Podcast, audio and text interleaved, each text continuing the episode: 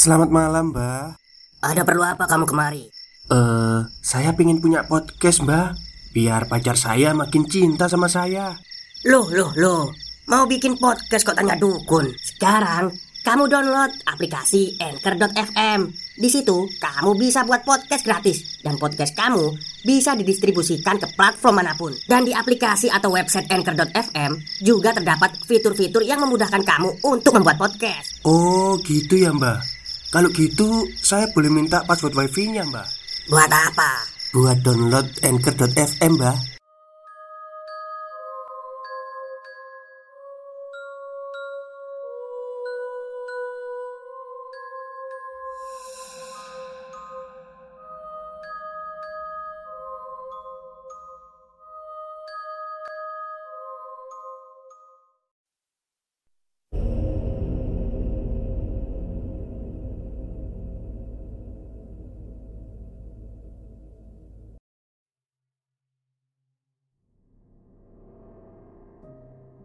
Assalamualaikum warahmatullahi wabarakatuh. Halo semuanya Jumpa lagi dengan saya Chow Sing Sing Kurator dari Podcast Horror Night Story. Halo apa kabar semuanya? Semoga kalian pada sehat semua ya. Dan seperti biasanya pada malam hari ini Saya kembali dan akan membawakan sebuah kisah mistis Untuk kalian semua Kisah mistis kali ini datang dari tweet Kaskus dari akunnya Mbak Evi Wahyuni. Jadi, dalam tulisannya, Mbak Evi akan menceritakan suatu kejadian yang terjadi di rumahnya. Seperti apa kisahnya? Mari kita simak. Hari itu, rumah kami mendadak ramai tante dari pihak ibu datang berkunjung ke rumah kami. Rencananya akan menginap selama seminggu di sini. Kebetulan pula, dia sedang ada kegiatan di kotaku. Aku pun sangat antusias menyambut tante Alni. Bagaimana tidak? Bertemu dengannya hanya sejak usiaku masih di bangku TK. Sekarang Aku telah menginjak bangku SMA Jadi ya lama juga. Kebetulan kamar tamu di rumah cuma satu Dan sedang ditempati oleh saudara kakek dari pihak ayah. Jadi tak masalah bila Tante Alni tidur di kamarku. Setidaknya sebelum tidur Ada teman yang bisa kuajak bercerita Malam itu entah sudah berapa banyak kisah yang kami bahas. Tante Alni orangnya periang dan murah senyum. Selalu ada saja bahan cerita yang membuat kami tertawa saking lucunya. Tak terasa Jam sudah menunjukkan pukul 11 malam. Aku pun pamit ingin tidur lebih dahulu. Tante Alni mengiyakan Dan sibuk bermain gawai Pikirku mungkin saja beliau belum mengantuk. Nyenyaknya tidur terganggu oleh tepukan di lenganku. Dengan mata terpicing menahan kantuk Kulihat Tante Alni terus-terusan menggoyang tubuhku. Via, Via Ayo bangun dong Katanya sambil setengah berbisik. Aku pun langsung membuka mata Dan kulirik jam Ternyata masih pukul 2.15 Masih terlalu dini untuk bangun. Aduh, ada apa tante? Tante kok belum tidur? Ini baru jam 2 Tan. Vi, Vi Temani tante ke kamar mandi dong. Mau pipis nih. Ya ya. Aku pun bangkit Dan berjalan keluar kamar menemani Tante Alni ke kamar mandi di bagian belakang rumah. Kamar mandi rumahku memang letaknya di belakang, masih bersatu dengan rumah induk, tetapi letaknya di belakang, di samping dapur. Untuk ke belakang, kita harus melewati ruang kerja ayah. Tante Alni memegang lenganku seperti ketakutan. Kulihat ia sesekali menengok ke ruang kerja ayah. Pikirku lagi, mungkin Tante Alni penasaran dengan isi ruang kerja ayah yang memang tidak berpintu. Dan ketika lewat di depan ruang itu, kita langsung melihat meja kerja ayah yang menghadap pintu. Aku duduk di kursi teras yang disimpan ayah di dekat kamar mandi. Tante Alni sudah masuk ke kamar mandi untuk buang air kecil. Di dekat ruang kerja ayah, ada satu kamar lagi yang digunakan ayah sebagai ruang beristirahat dan sholat. Di dalam kamar itu lengkap berisi satu tempat tidur, lemari pakaian ayah, dan sebuah cermin. Tak ada yang spesial sih Biasa saja untuk semua isinya Setelah buang hajat Tante Alni akhirnya keluar dari kamar mandi Tanpa bicara Kami langsung kembali ke kamar Aku langsung masuk selimut dan kembali tertidur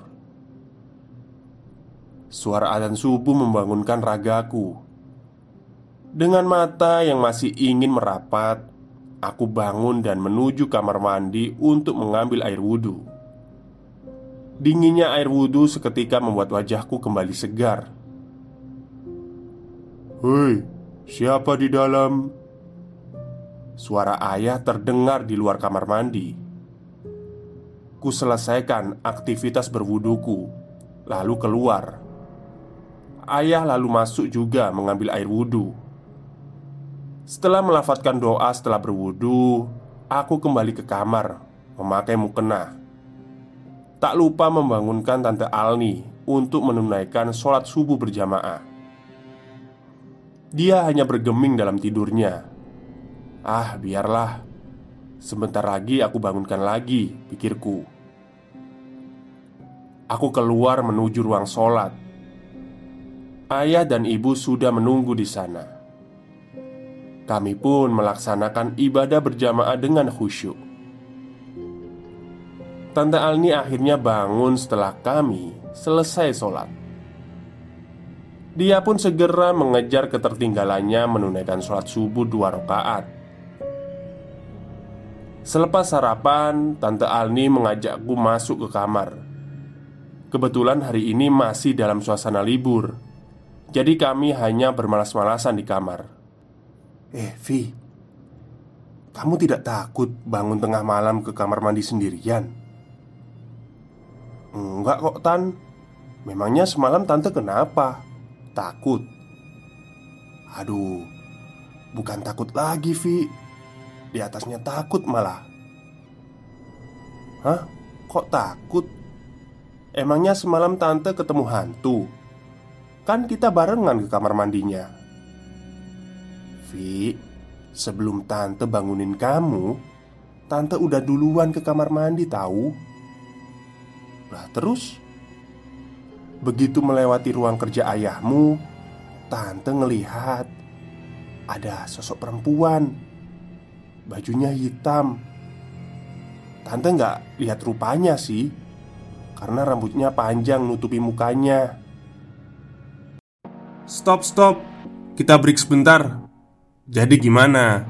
Kalian pengen punya podcast seperti saya? Jangan pakai dukun Pakai Anchor. Download sekarang juga Gratis. Aku langsung bergidik ngeri. Seumur-umur tinggal di rumah ini Baru kali ini Ada yang ngomong melihat penampakan hantu di dalam rumah. Di ruang kerja ayahku pula.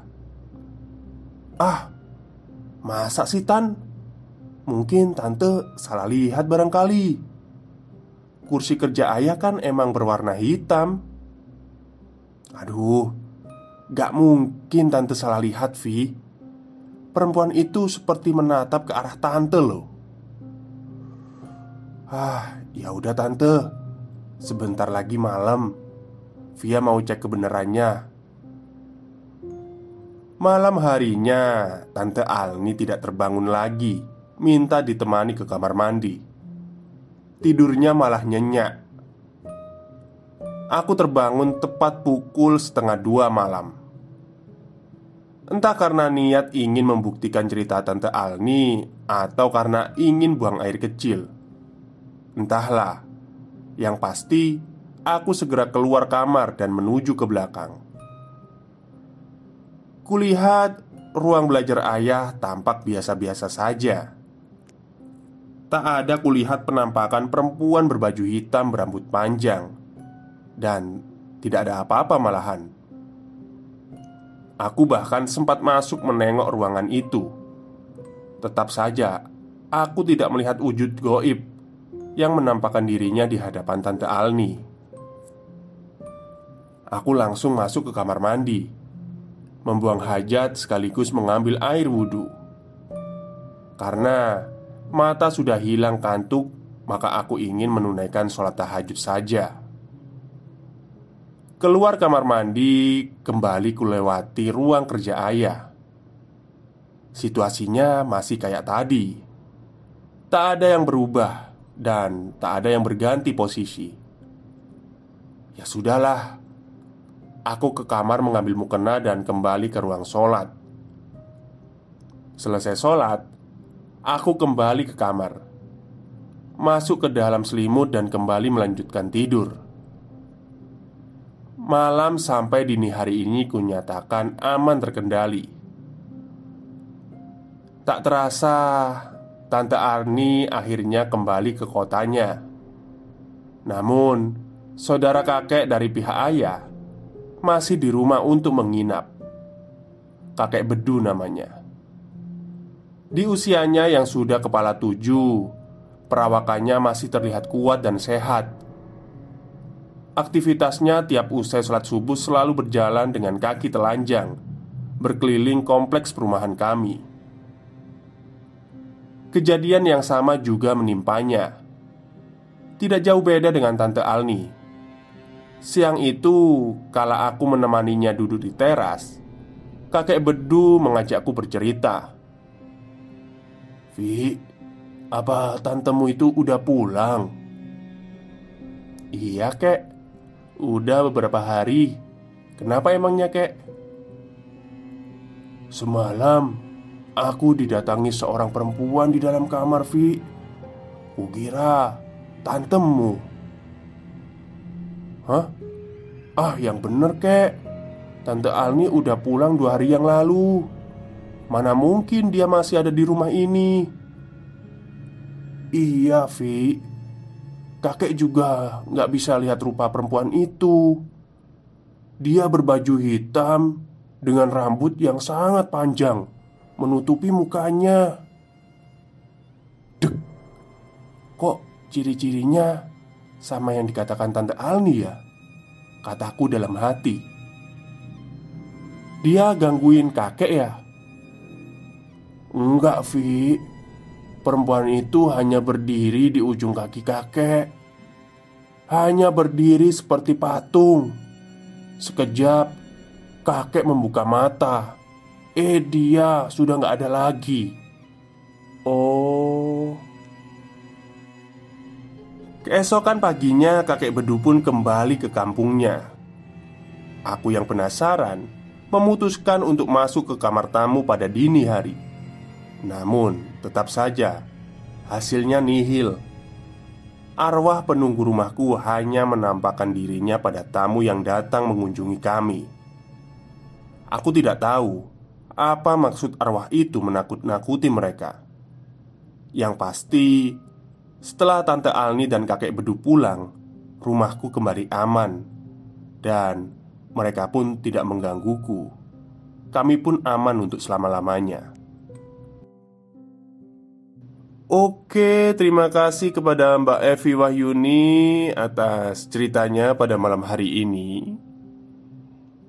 Jadi, sepertinya ya, penunggu rumah itu hanya menampakkan dirinya ke tamu asing, bukan ke, uh, ke si pemilik rumah. Tapi ya, nggak masalah. Itu kan malah jadi enak ya kita nyaman lah ya. Oke, Mungkin itu saja cerita dari saya pada malam hari ini. Kurang lebihnya, saya mohon maaf. Wassalamualaikum warahmatullahi wabarakatuh.